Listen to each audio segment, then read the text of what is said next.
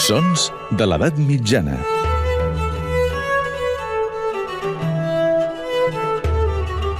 Amb Maria Montes.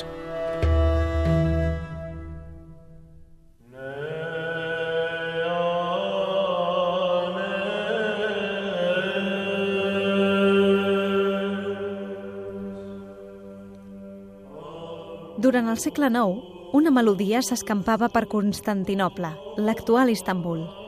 Es tractava de la melodia d'un himne titulat Quan August regnava, destinat originàriament a les vespres del dia de Nadal, i l'havia escrit una dona, Càssia, compositora a qui s'atribueixen uns 50 himnes religiosos, inclòs l'únic himne de l'època que conservem dedicat a Maria Magdalena, i també composicions profanes, com epigrames i versos nòmics.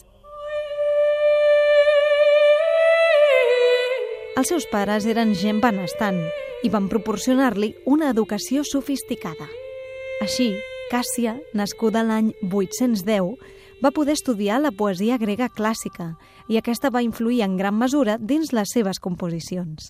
Escrivia versos i també música, ja fos per a lletres pròpies o alienes. Sembla que, donada la seva posició social, va ser fins i tot candidata a desposar l'emperador Teòfil quan tenia 16 anys, però el seu destí no va ser el d'emperadriu. Càssia no era un personatge còmode per al poder. A l'època en què Càssia s'acostava a la vintena, Bizanci es trobava immers en un debat religiós motivat pel culte a les imatges. Mentre que alguns el condemnaven, adduint que es tractava d'idolatria, d'altres l'aprovaven com una forma més d'expressió de la fe. Dins aquest grup es trobava Càssia, però no l'emperador. Aquesta dissidència va acabar per dur-la a l'exili. Més tard, l'any 843, va fundar finalment el seu propi monestir a Xerolofos, un turó als afores de la capital i per al servei de la seva comunitat va escriure himnes i trops. I són aquestes creacions les que la situen als nostres ulls com la primera compositora coneguda, amb nom propi. La vida de Càssia va ser una vida amb ressò.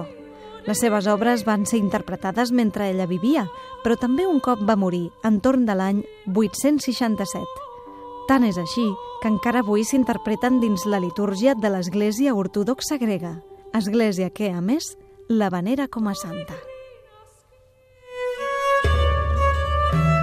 Sons de l'edat mitjana.